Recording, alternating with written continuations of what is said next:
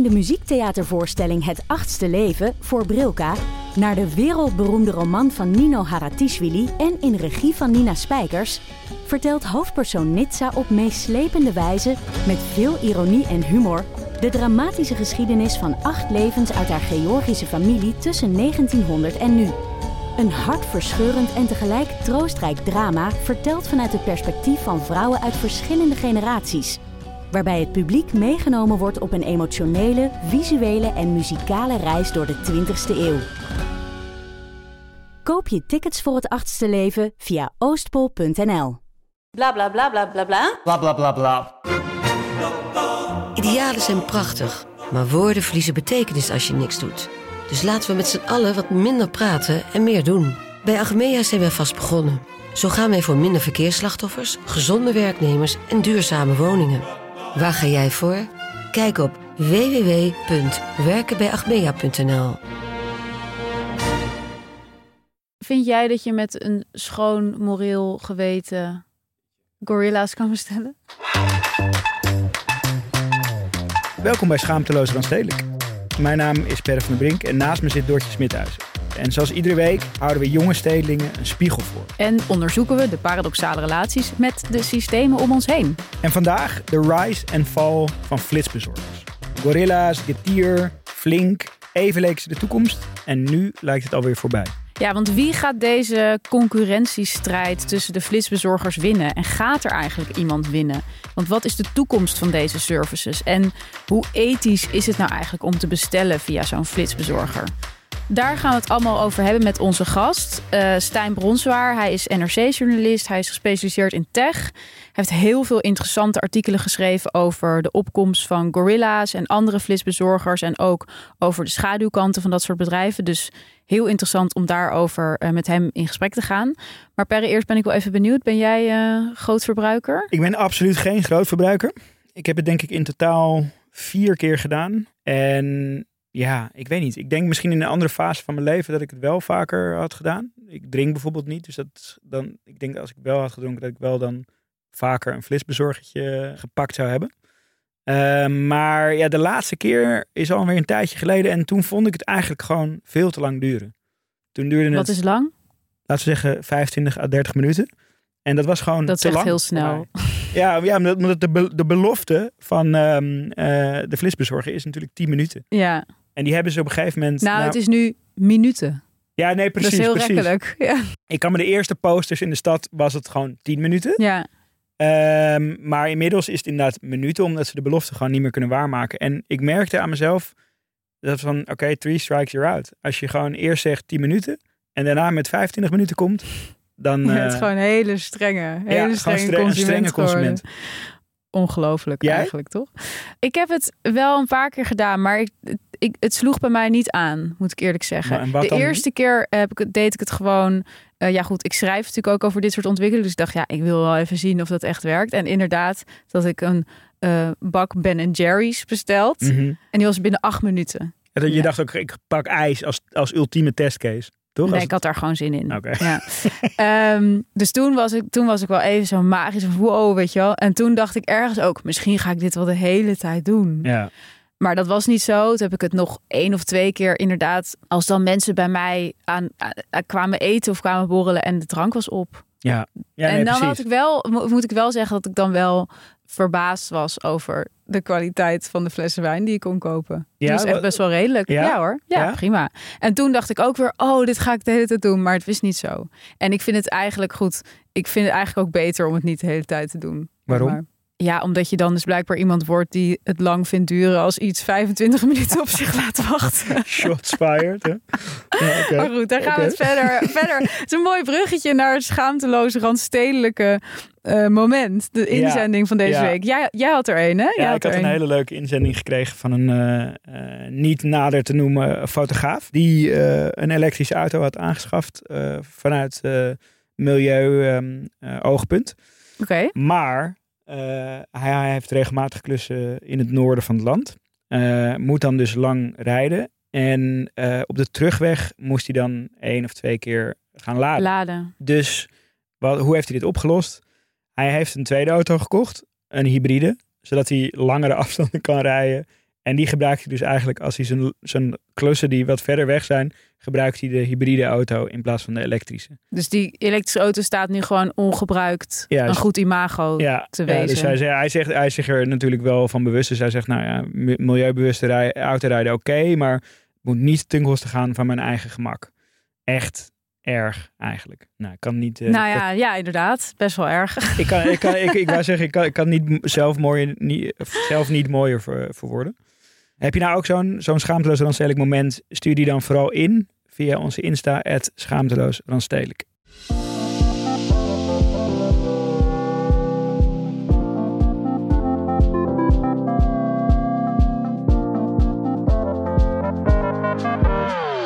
Oké, we gaan het hebben over eh, de flitscouriers, de gorilla's, de gettiers, de flinks, de zeps van deze wereld. Hoe het allemaal met ze gaat en vooral ook wat de toekomst ervan is. En dat gaan we bespreken met Stijn Bronswaar. Eh, jij bent NRC-journalist. Klopt. Ja. Voor, jij hebt volgens mij heel veel rollen al gehad bij NRC. Ik heb van alles gedaan. Ja. Ik heb ja, hoofdredactie, chef media, mediaredactie.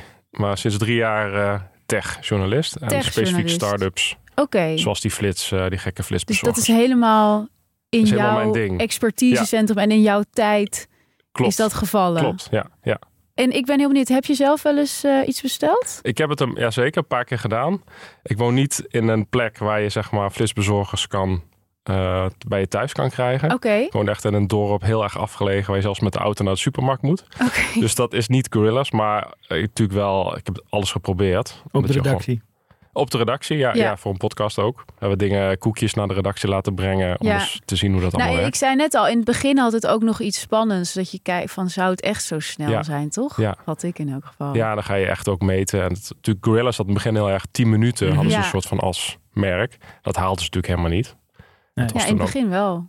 Ja, helemaal in het begin Ja. misschien. Maar op een gegeven moment was het zo druk. Het hebben ze dat ook gestopt, die belofte. eerste rondje posten stond er 10 minuten. Het tweede Ja. rondje was, de, was Minuten. meteen weg. Nu is het, ja, volgens mij inderdaad uh, within minutes of Heel zo. Ja, ja. ja. ja.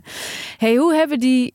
Want die, ik heb het idee, die flitscouriers, die boodschappenbezorgers... Die, die zijn echt in corona volgens mij een beetje... Hebben ze voeten aan de grond gekregen. En toen zijn ze echt bizar snel gegroeid. Hoe hebben ze zo snel kunnen groeien?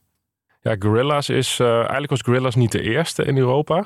Dat is sowieso interessant, want de Getty, ja, dat bestaat echt al heel lang. Sinds 2015. Dat is een Turks bedrijf, Ja. toch? Ja, en dat is in Istanbul begonnen en heeft heel Mhm. lang is, is het eigenlijk in Istanbul gebleven ook. Ehm, en Gorillas is echt ontstaan vlak na corona, vlak Mhm. eh, nadat de corona uitbrak. En eh, toen is eigenlijk die hele strijd begonnen tussen al die Zijn flitsers. de oprichters van Getir en eh, Gorilla's familie? Klopt dat? Ik weet dat eigenlijk niet. Eh, ik weet wel dat die oprichter van Gorillas zich heeft laten inspireren door Getty. Hij heeft eigenlijk gekopieerd gewoon. Ja. Eh Kaan Suma heet die, die man. En dat is een, ook een eh, Turkse jongen. Ja. Ja. dat is nog een jongen, maar dertiger. Eh die wilde echt heel graag een bedrijf beginnen in Berlijn. Is toen naar Berlijn gegaan. Gewoon een bedrijf. Ja, hij wilde gewoon Maar hij ondernemen. woonde niet in Berlijn, hij is Nee, verhuisd. nee. Naar Berlijn, ja. Om een eh, start-up te beginnen. En toen heeft hij eigenlijk, toen kwam hij daar, toen dacht hij, hey, waarom heb je hier geen get hier? En waarom bestaat dat hier niet? Ah. Ik wil gewoon spulletjes thuis eh, heel snel. En toen dacht hij, gaat dat gewoon zelf hier doen. En hij heeft toen letterlijk, dat is echt wel een mooi verhaal, heeft hij met vrienden, heeft hij zijn, zijn hele woonkamer leeggemaakt. Allemaal van die rekken in zijn woonkamer gezet. Hij heeft hij een soort mini supermarkt gemaakt van zijn eigen huis. Een soort dark store eh, Ja. thuis. Ja, en eh, vrienden opgetrommeld die gewoon allemaal eh, boodschappen gingen doen eh, in de supermarkt. Eh, dat in hun eigen stellages zetten en dan met heel, kort, heel veel korting verkopen aan mensen in de buurt. Met geld van zijn ouders. Dat kost natuurlijk alleen maar heel veel geld. Ja, ja dus hij had meteen eigenlijk al een, een, een investeerder. Ja, hij had een Ja. beetje geld en eh, ik geloof dat het van familie was. En, ehm, en, en om maar gewoon aan te tonen, dat is eigenlijk nog steeds wat Gorilla's eigenlijk doet. Tractie Eh, laten zien. ja, gewoon laten zien dat het werkt en eh, heel veel geld uitgeven en Ja. de grootste worden. Zo is hij ook begonnen. Maar het is wel meteen interessant wat je zegt, want hij kende dus eigenlijk van huis uit zo gezegd dat Getir Ja. kwam in een omgeving waar dat niet was en dacht, nu ga ik hier de vraag creëren eigenlijk naar zo'n product. Want Ja. dat is wat die bedrijven doen, toch? Ze creëren eigenlijk eerst een vraag en dan een aanbod. Of het aanbod creëren ze met, eh, ze creëren het vraag met de aanbod. zeg Ja, dat klopt wel. Ja, dus ik denk ook vooral, dat is ook hoe zij het zelf heel erg benadrukken, van dat je een soort wauw gevoel moet hebben dat er in één keer iemand voor je deur staat terwijl je net je app nog hebt afgesloten. Ja, Eh, en inderdaad dat er iets is wat er nog niet was. Dat het in één keer er is en dat dat zo bijzonder is. En dat herkennen we denk ik ook wel. Weet je, als je het Mhm. een keer probeert, dan is het ook, is het ook best wel bijzonder. Ja. Dat je iets aanklikt en dan komt er een, en dan kijk je om de hoek en dan, dan komen ze al aanfietsen. Ja, maar het raakt ook dus meteen vlees. Want Perre die was al geïrriteerd toen ze er een keer 25 minuten over deden. Ja, voor mij is dat gewoon Ja. van ja, als je tien minuten ooit tegen me hebt gezegd en, en je het is drie keer zo lang, Ja. eh, dat, dan klopt het gewoon niet. Nee, dat, dan eh, kan je afvragen hoe flits het nog is, zeg maar, die Precies. Ja. flitsbezorging. Ja, zeker nu ze wat verder uit het centrum worden geduwd, wordt Ja. natuurlijk voor hun Ja. steeds moeilijker om dat überhaupt waar te maken, de tijdstip. Maar Ja. die tractie, hè, waar, waar, je het, waar, waar je net over hebt, dus, dus eigenlijk het bewijzen van dat die vraag bestaat. Maar als je onder de motorkap kijkt van die, eh, van die modellen, dan klopt er toch eh, gewoon helemaal niks van. De, de, de, de unit economics kloppen toch gewoon niet. Nee, eh, maar ja, als je een beetje die wereld kent van, van het venture capital, dus durfkapitaal en die start-ups, hoe zij denken, is doet er niet toe, zeg maar, of het geld oplevert. Je moet gewoon de grootste worden Mhm. met heel veel groeigeld. Ehm, en als je eenmaal de grootste bent, kun je geld gaan verdienen. En Ja, dat ja. hebben we ook bij Uber zo gezien. Ah ja. Eh, dat zie je bij allerlei, eh, bij allerlei start-ups. En dat is ook waarom uh, die bedrijven zoals Gorilla's dus ook, dat fascineert me altijd, dat die dan, het gaat er de hele tijd over en ze groeien en ze groeien, maar ze maken dan jarenlang geen winst. Ja. Ja, heel lang. Ja, Eh, dat is natuurlijk een heel duur, ehm, een dure business. Mhm. Want je hebt winkels nodig, je hebt bevoorrading nodig, je hebt eh couriers nodig, je hebt fietsen nodig. Je hebt, het is natuurlijk veel duurder dan gewoon een softwarebedrijf. Ja. hè. Eh, het is een ontzettend duur, kost heel veel geld. Boodschap is sowieso low margin business. Ja, eh, en er is heel veel concurrentie. En die zijn eigenlijk, eigenlijk allemaal hetzelfde. Hè? Al die partijen die je hebt eh, Mhm. tussen Getter en Gorillas is, niet heel, veel- is geen verschil. En dus je kan van de ander winnen door heel veel korting te geven. ja, nou dat is wel iets wat ik in elk geval heel erg merk. Ik krijg echt elke, elke week of elke dag krijg ik wel weer een mail van Gorilla's van die paar keer dat ik het besteld heb met echt de meest bizarre kortingen. Echt 30 euro korting of zo. Ja, en ook Ja, de meest ja. bizarre copywriting in hun, Ja, dat hun is ook nieuwsletters. echt heel erg slecht. Ja. Ja. Ik, ik zag, ik zag ehm, eh, een, een plaatje van iemand die iets eh, daarvoor postte. Die, ehm, die vergeleek het met een soort je crazy ex of zo, weet je? Van Ja, subject, I think I love you. eh, echt come back, stalky. you need me. eh, where have you been? Ja, het is zo wanhopig ook. Nou ik vind dus het echt slecht Het is gewoon keihard- ja, keiharde concurrentiestrijd. En, en wat ze hopen natuurlijk is, dus zo'n winner takes all markt. Ja, precies, is dat is het. Ja, en dus eh, als je eenmaal... eh, en hoe meer geld je hebt, hoe groter die kans is dat je gaat winnen. Ja, ja. En je ziet nu ook, hè, er zijn er nu al een paar eh, gesneuveld. Nou, Mhm. precies, want Zep en Zep Flink volgens mij. Ja, Flink doet nog steeds wel mee. En die zijn eigenlijk groter ook dan Gorilla's. Oh, die ja? hebben zitten in veel meer Oh, steden. grappig. Daar is he- heel weinig aandacht voor. Dat vinden ze bij Gorilla's zelf ook niet zo leuk. Dat wij hier nu ook weer over Gorilla's zitten te praten. Terwijl Oh, ja? Flink eigenlijk veel groter is. En eh, in de schaduw daarvan eh, in veel meer steden eigenlijk veel meer doet. Mhm. Wat En heel- minder, minder kritiek krijgt. Ja, zo. eigenlijk ja. nauwelijks. Eh, dus die focus ligt heel erg op Gorilla's. Waar denk je dat dat aan ligt? Ehm, dat ze de eerste waren. Althans, eh, de eerste die zo groot uh, ja. Ze losgingen. hebben het er ook wel een beetje naar gemaakt, Gorilla's, met al die advertenties. En, Ja, dat is ook, ja, het is ook een beetje hun imago. Hè? Het is ook een beetje Het is- het is niet- die founder, toch? Zeker, ja, dat het een, een gorilla is. Hè? Ja. Dus dat het gorilla heet. Dat, dat Be Bold is een beetje hun imago van hun Ja. bedrijf.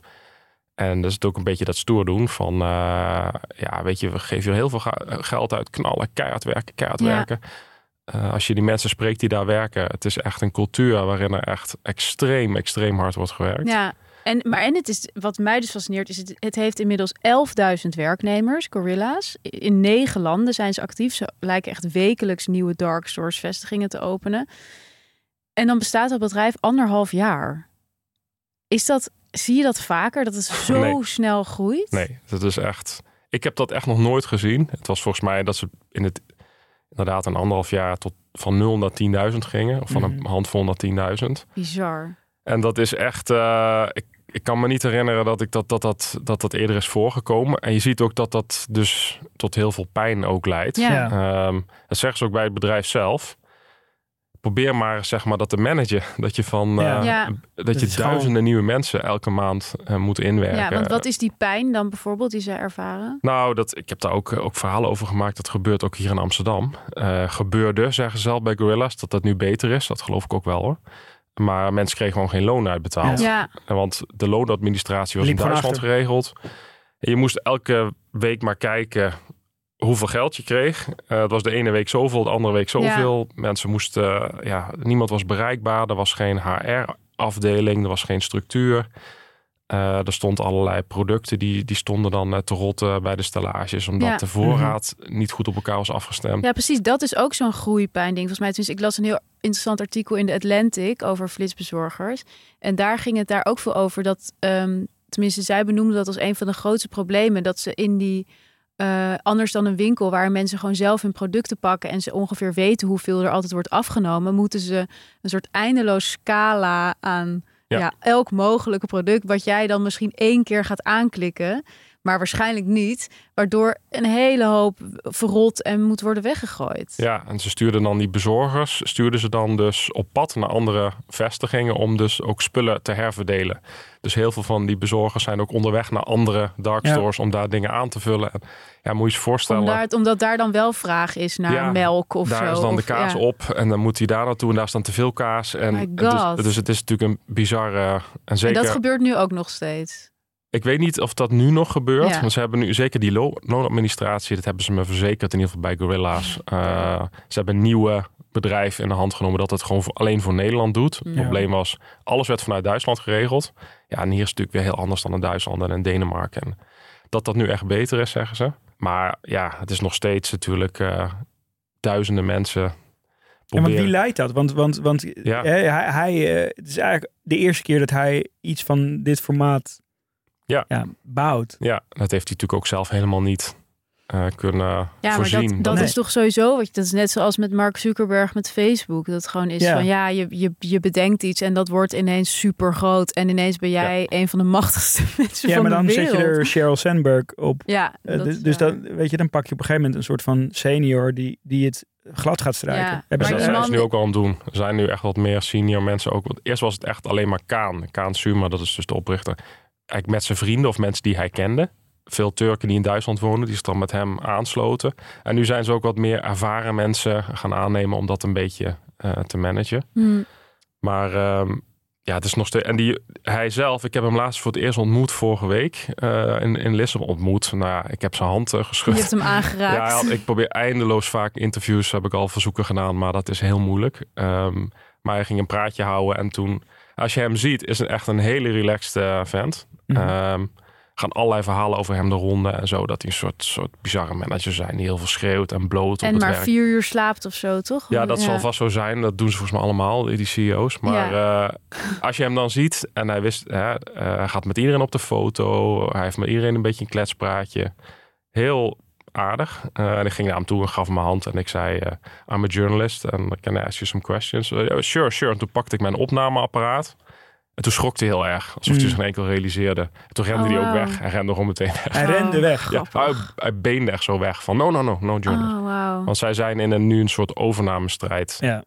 Zijn, eh, Wat Get- voor overname? Nou, ze zijn in gesprek met Getty. Dus Getty gaat waarschijnlijk Gorilla's kopen. Oh ja? Ja, dat is wel een vrij ver eh, stadium nu. Dus eh. dan wordt het echt een Turks imperium ook eigenlijk. ja, helemaal. dus het is Dus het lijkt er ook een beetje op dat zij die winner takes all Het gaan lijkt zijn, toch? ja, dat, dat, dat Getty Gettier. die strijd eh, gaat winnen. Ja. Oh, wel grappig dat hij dan naar, naar, Duitsland, naar Berlijn gaat om daar een bedrijf op te richten. En uiteindelijk wordt het weer opgekocht door het grote Turkse bedrijf waar hij het van heeft afgekeken Ja. eigenlijk. Dat klopt. Ja, dat als dat doorgaat, ja, dan is dat, is dat wel... eh, Maar dat is... eh, Want maar bij ik Getty heb, hebben ze het veel beter. Gewoon, dat zegt die, die oprichter van Getty ook. Heb ik een keer geïnterviewd. Die hebben zo lang in Turkije en Istanbul zelf... hebben ze dat helemaal kunnen fine-tunen. Ja. Van hoe je zo'n bedrijf bouwt. Eh, vijf, zes jaar eerst gewoon bouwen aan een structuur.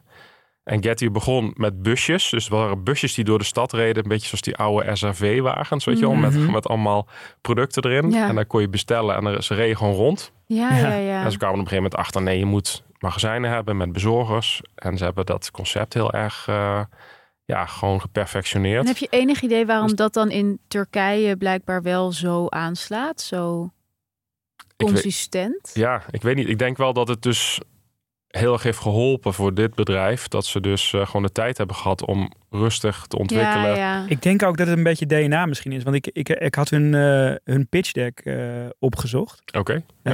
Ehm, en zeg maar qua tone of voice, als je dan gorilla's, wat je net zelf ook zegt, dat bolde en dat schreeuwerige. En als je dat pitch deck van Getir leest, ja, het is gewoon een mega saai deck. Ja. Weet je, maar, maar wel zo dat je, dat je Maar die... betrouwbaar of zo. Ja, gewoon van oké, de, de cijfers leken, eh, het zag er gewoon legit uit. Ja. En het was nergens een soort van schreeuwerig Silicon Valley Mm. vibeje. Eh, dus ik denk dat dat ook gewoon misschien wel meer in hun DNA zit. Ja, en die, zij zijn dus ook eigenlijk door Gorilla's zijn zij nu zo noodgedwongen. Daarom zijn ze ook nu ineens hier in Amsterdam. Zijn ze ook noodgedwongen heel erg hard moeten gaan uitbreiden. Eh, ze hebben eigenlijk een beetje dat, dat eh, venture capital spelletje noodgedwongen mee moeten doen. Ja. ja. Maar goed, ze lijken dus nu wel eh, daar uiteindelijk als overwinnaar uit te komen.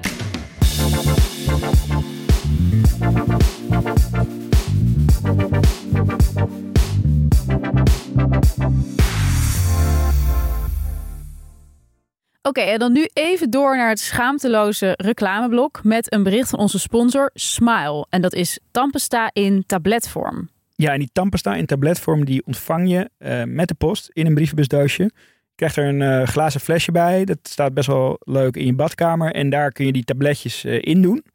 En hoe het dan werkt, is dat je dat tabletje eigenlijk gewoon in je mond doet. En, je, en er als een soort mintje op koud.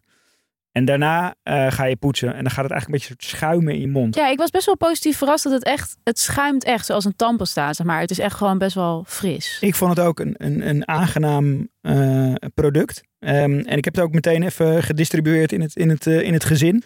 Inclusief de eh, immer kritische schoonmoeder.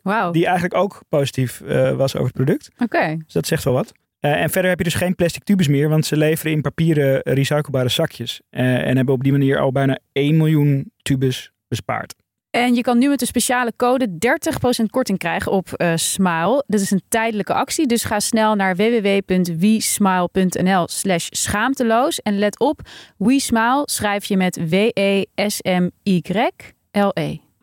Goed, koop het. Wat ik heel interessant vond, dat las, las ik dus ook in dat Atlantic-artikel, is dat dit niet de eerste keer is dat er eh, zeg maar dit soort bedrijven ontstaan. Er zijn ook Nee. bijvoorbeeld rond de millenniumwisseling heb je een bedrijf dat volgens mij heet het Webvan.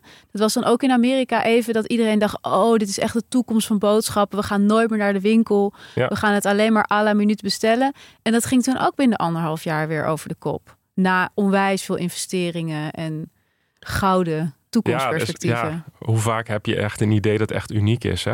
Dus Ja, dat, nooit. Nee. Facebook was natuurlijk ook niet het eerste sociale netwerk. Mhm. Maar het Nee. is dan net de timing.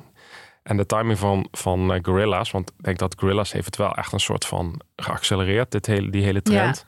Dat is dan een timing van je hebt dan een founder, dus die, die Kaan. En je hebt dan de corona op Ja. dat moment. En er was op dat moment nog heel veel geld. Dus ja, geld, was heel over. goedkoop. Ja. En die investeerders waren op zoek van what's the next big thing? Waar moet ik mijn Ja. geld in stoppen? En dat komt dan allemaal samen met corona. Dat iedereen voelt van, oh, dit wordt het helemaal. Eh, Ja. Dit is een moment waarop je moet investeren.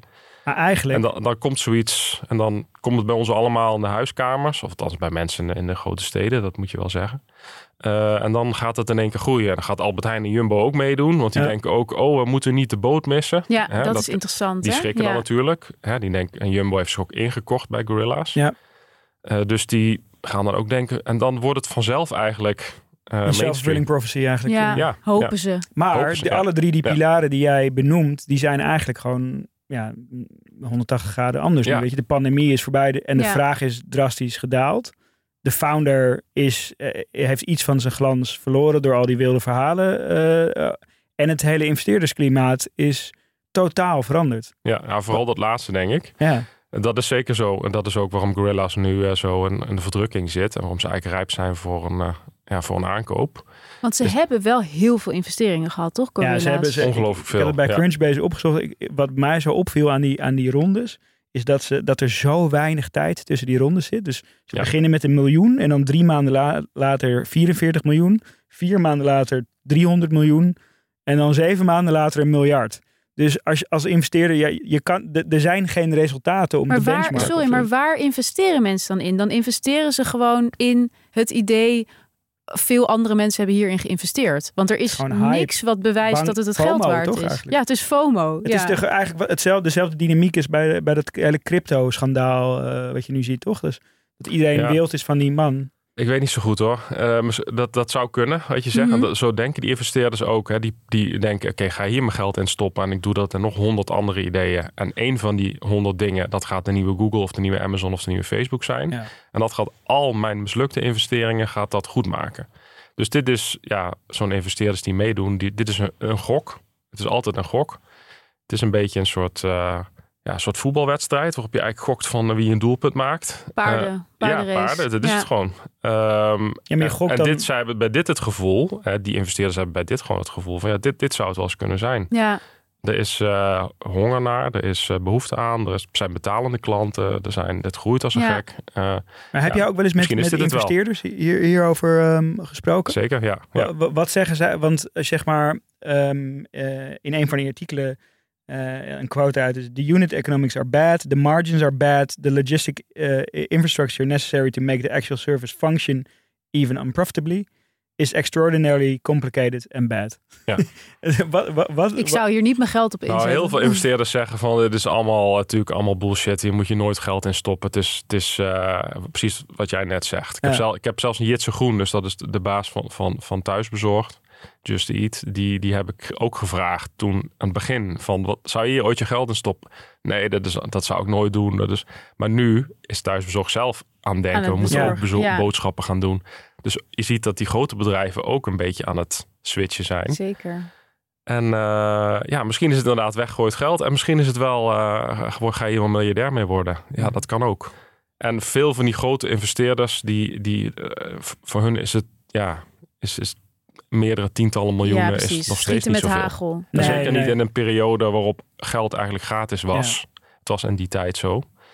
Was er echt, eh, niemand zette zijn geld op de spaarrekening. Ieder, iedereen, was aan, iedereen was aan het beleggen. Het geld moest ergens naartoe. Ja. Zocht Mm. ook een weg.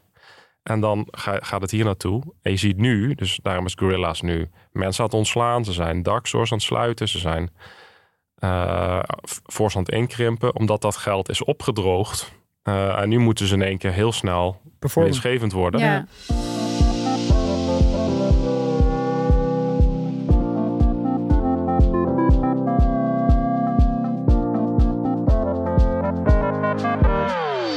En het, het is natuurlijk niet alleen dit wat nu een beetje hè, minder aan het worden is voor Gorilla's. Is volgens mij toch ook wel heel erg de publieke opinie. In elk geval in mijn omgeving. Ehm, er komt gewoon steeds meer naar buiten over hoe die mensen die hè, voor de flitsbezorgers werken, hoe die wo- worden behandeld. Jij hebt daar ook veel eh, over geschreven. Is dit kenmerkend aan de platformeconomie dat er zo'n ja, scheiding is tussen de managerskant en de, de mensen die daadwerkelijk het werk uitvoeren op straat? Ja, dat denk ik wel. Het is wel, er zijn platformeconomie is een heel breed woord waar heel veel bedrijven onder vallen. En Gorillas Mhm. is eigenlijk geen platformeconomie. En dat is eigenlijk geen platform. Het is gewoon een bezorgdienst. Service. Ja, eh, met mensen die gewoon ook in dienst zijn. Dus eh, al die Gorillas werknemers hebben gewoon een arbeidscontract. Dus Mm. wat dat betreft doen ze dat eigenlijk best wel netjes. Hè? Thuisbezorgd ook. Dat is wel echt een platform. Ehm Uber Eats zijn ze weer niet in dienst. Dat zijn freelancers. Dus die, ja, die krijgen per order betaald en niet per uur. En je ziet dat zodra dat gebeurt, dat het wel vaak misgaat. Dus dan krijg je ja, mensen die via allerlei gekke constructies Nederland Ja, binnen worden Mensen gehaald. zonder Ja. verblijfsvergunning Ja, die die, dan als zo'n... studenten in. Ja, Mensen uit Bangladesh die zich als studenten inschrijven bij een universiteit. Dat wordt dan voor hen betaald. ja. En dan gaan ze nooit naar de collegebank. Maar dan gaan ze 80 uur per week eh, delivery. koppelbaas gaan ze dan bezorgen. En dan moeten ze een deel ervan afstaan. Het is allemaal don- donkere circuits. Ja.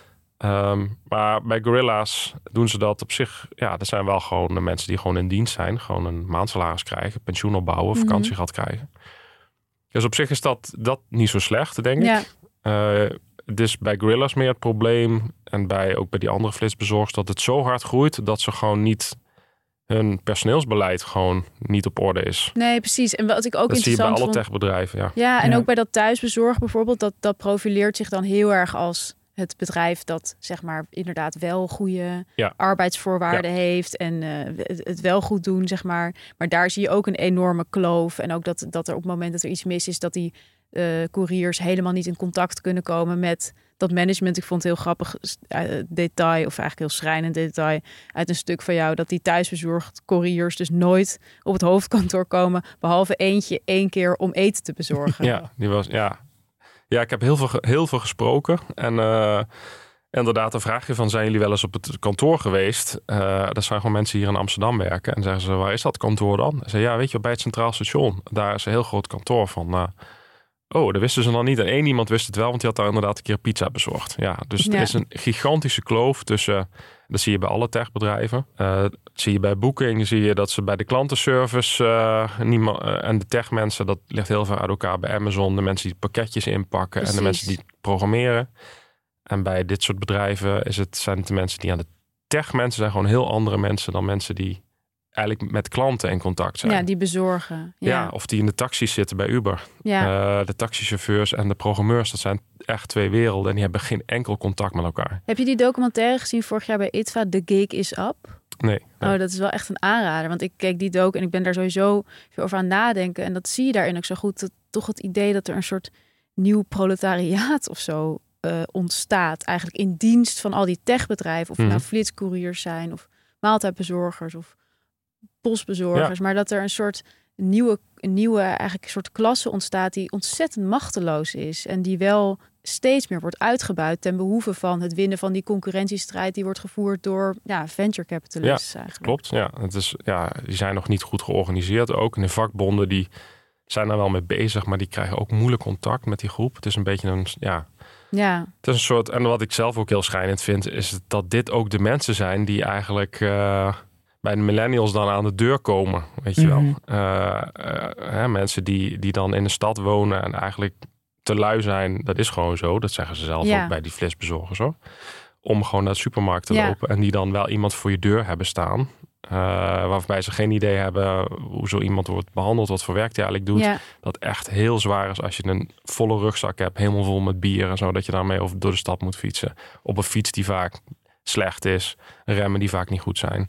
Ja. Ja, dus is- ik vind het wel belangrijk, dat probeer ik ook in die stukken ook, ook, ook wel te doen, is dat je mensen wel bewust maakt van, van eh, realiseer je wel dat het een mens is, weet je wel, met Ja. wie je te En dat is toch ook het, eh, dat, dat artikel in de Volkskrant van eh, die journalist die soort van undercover, Undercover. eh, Dat was een heel mooi stuk, ja. Eigenlijk was zijn grootste bezwaar na het schrijven van het stuk ook van hoe hij, hoe anoniem hij behandeld werd. Toch? dat hij niet werd gezien. Ja, dus er was een meisje Ja. die dan naakt de deur opendeed en, en te, aan de telefoon bellend en gewoon dat die zak pakte Ja. en gewoon de deur Ja, in zijn met een dichtgooide. badjas of zo. Ja, maar hij zei ook dat hij, en dat, dat, dat hij zelf ook maar uit zijn koptelefoon ging heen doen, dat hij eigenlijk ook zeg maar het werk heel anoniem deed. Maar Ja. dat is precies. Ik vind, ja, sorry, maar ik, vind, ik denk dus echt aan Marx. Als ik dit soort dingen hoor, dan denk ik er ontstaat gewoon weer een klasse waarbij die totaal gezichtsloos is, die anoniem is, waar we gewoon eigenlijk niet naar kijken als zijnde mensen, maar meer als een soort ja, groep die gewoon werk verricht waar wij inderdaad geen zin in hebben. Ja,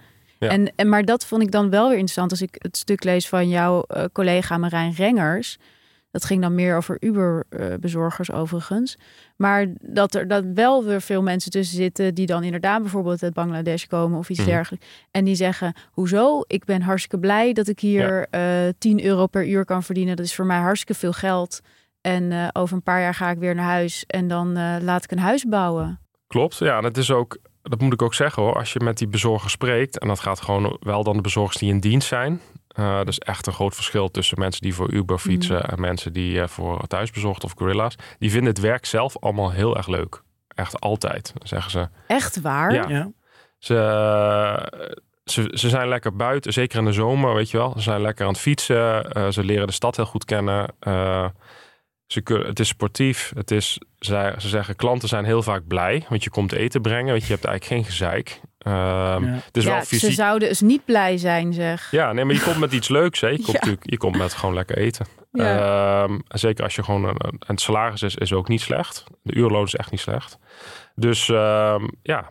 Dat, maar het is meer het contact met het personeelsbeleid. Dat is vaak Ja. wel het probleem. Ja. Ze, hebben vaak geen, ze krijgen geen contact met, met managers. Het is allemaal slecht geregeld. Het is, de spullen zijn vaak niet goed die ze hebben. De tassen of de fietsen. Of de, daar, daar, daar klagen ze heel veel over. Maar Vind niet zozeer jij- over het werk. Vind jij dat je met een schoon moreel geweten Jeetje, ja. gorilla's kan bestellen? Ehm, nou, ik denk dat er wel ergere dingen zijn die je als consument kan doen. Altijd Ja. erg. Ja, nee, dat denk ik wel. Denk, maar het is denk ja, ik vraag je, ik zou me wel afvragen van, eh, weet je, als jij dan s'avonds op de bank zit en voetbal, eh, dat is natuurlijk daar met WK weer zo, weet je wel. Je gaat Ja. gewoon eh, twee kratten bier bestellen bij een flitsbezorger.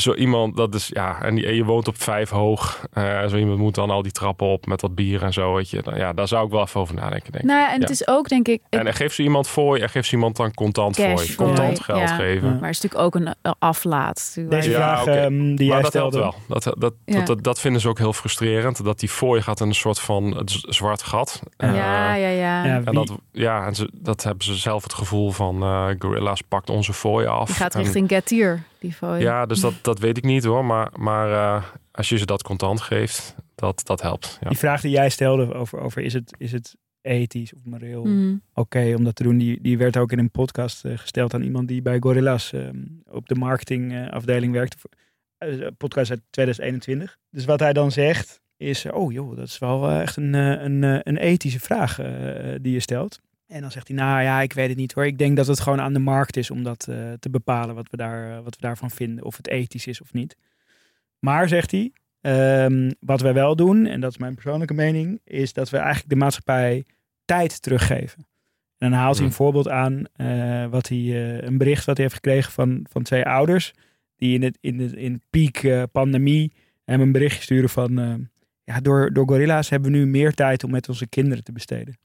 Ja. En eh, dat is dan eigenlijk zijn, eh, zijn take. Er gaat zoveel mis Ja. Nee, voor dat doet mij Gorilla's. hier. zo- Ja, dus die, die eh, vorige baas van Gorilla's Nederland, die zei ook altijd in interviews van, hij had het altijd over de moeder met de luiers. Ja, maar de, de single op. mom met de luiers die dan nu niet meer naar de supermarkt Maar daar hoeft gaat met haar toch kind. ook al heel veel mis. Want je moet dan ook nog maar als koppel eh, die verzendkosten die er uiteindelijk natuurlijk vaak wel bij zitten kunnen betalen. Het wordt dan natuurlijk weer een enorm klassending. Dan hebben inderdaad die, Ja. die twee rijke ouders hebben meer tijd met Ja. hun kind. En wat ik ook echt heel erg vind is als iemand zegt... ja, we moeten het maar aan de markt Ja. laten of het ethisch is. Ja. Want als ergens vraag naar is... Dan is het ethisch Ja. of zo. Dan kan ik wel heel veel dingen bedenken waar wel vraag naar Ja. is. Ja, je kunt natuurlijk ook wel, daar kun je wel echt je vraagtekens bij zetten van, van dit het lost natuurlijk niet echt een groot probleem op. Nee. Dat kunnen we denk ik wel, wel stellen. Eh, het, is, het heeft niks met energietransitie te maken. Het heeft niks met, met, met klimaat te maken, met echt grote dingen. Al zeggen ze zelf dat ze du- duurzaam zijn. Maar Mhm. nee, het lost gewoon een probleem op van dat mensen geen zin hebben om in de rij te staan voor de supermarkt. Eh, dat is het. Ja, maar ik vraag En me inmiddels van- ook af, is, is dat zo? Want inmiddels heb ik ook het idee, volgens mij komen we er nu met z'n allen een beetje achter. Oh, we dachten misschien even dat we dit nodig hadden, maar eigenlijk is het echt best wel prima om naar de supermarkt te gaan. Ja, nou zeker als natuurlijk die kortingen straks, eh, wat het, als dat minder wordt en het wordt duurder. En zij hopen dus dat jij al je boodschappen daar gaat doen. Want als jij maar drie dingen, als je je gember eh, op is terwijl je te- staat te koken en je bestelt zo'n stukje gember, dan gaan zij natuurlijk nooit van leven. Maar wel Ja. als jij de hele week je hele week boodschappen daar gaat doen, dat hopen ze heel erg. Ja, dat schetste die, die oprichter van Gorilla's in een interview met McKinsey, zei hij, eh, eigenlijk een beetje zijn toekomstvisie, was dat zij eigenlijk hun eigen, het eerst wilde hij gewoon eigenlijk alle merken eruit gooien en gewoon private label producten eh, in, de, in het assortiment zetten.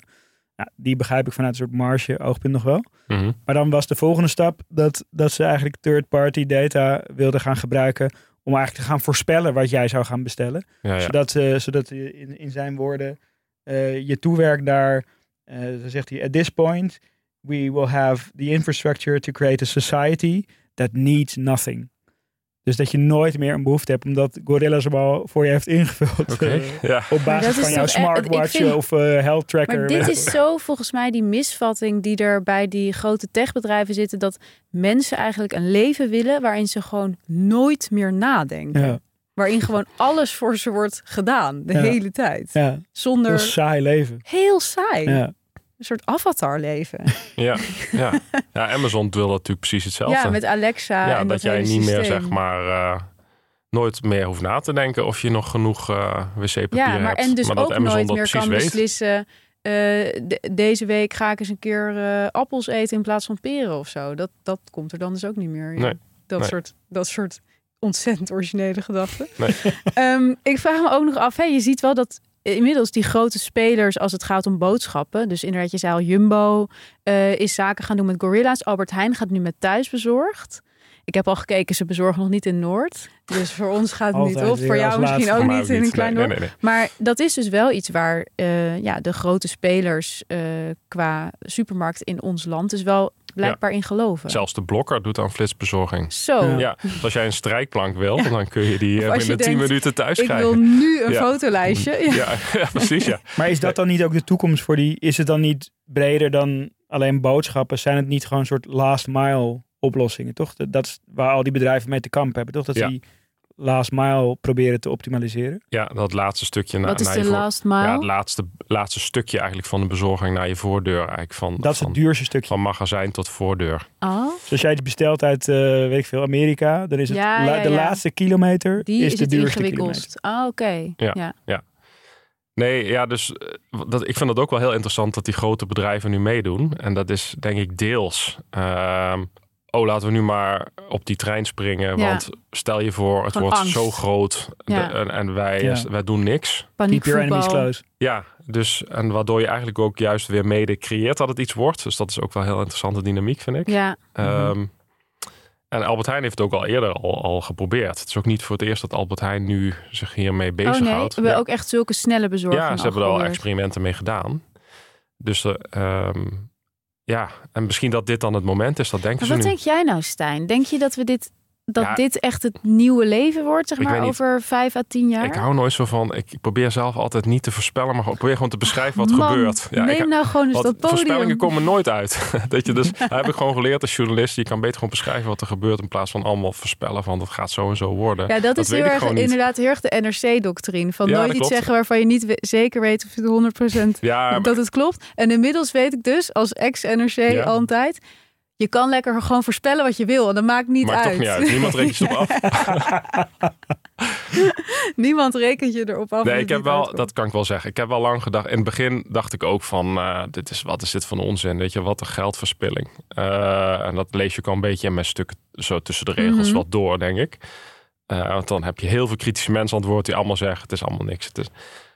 Maar goed, als dan dat, die vlek zo groeit, eh, en er komen meer partijen en er komen, eh, en, en ook de grote eh, bedrijven, de grote supermarkten, zeg maar, Ja. die, die gaan aan meedoen dan eh, kan ik me bijna niet voorstellen dat we op een gegeven moment dat het nu helemaal stopt. Eh, de vraag is wel wat voor manier, zeg maar. Ik kan me zo voorstellen dat, dat juist de gorilla's en zo het niet halen, maar dat dan die grote bedrijven dit De wel Albert gaan doen. Heijns of Ja. de Amazons. Ja, Ja, dat, ja, dat, zo gaat het ook vaak. Weet je, dat de start-ups dan eh, met zoiets beginnen, de grote bedrijven wakker schudden en eigenlijk Ja, een ja. En die zeggen dan eigenlijk bedankt voor de vraag die jullie hebben gecreëerd. ja. Precies. Wij nemen Ja. het hier nu is de over. infrastructuur. Ja, Daarom heeft Jumbo natuurlijk ook een soort belang genomen in Gorilla's. Om Mm. eigenlijk zeg maar eh, ja, dit voor te zijn.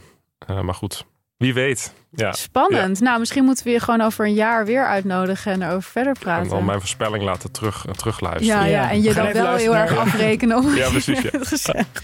Hey, heel erg bedankt Stijn voor het komen. En eh, tot volgend jaar dan. En eh, voor alle luisteraars bedankt voor het luisteren. Heb jij wel eens een eh, thuisbezorgd eh, bestelling van Albert Heijn binnengekregen? En hoe was dat? Wil je daarover vertellen? Eh, bestel je elke dag met gorilla's en wil je daar iets over delen? Laat het ons dan vooral weten in de DM op Instagram schaamteloosrandstedelijk. En wij zien jullie volgende week weer.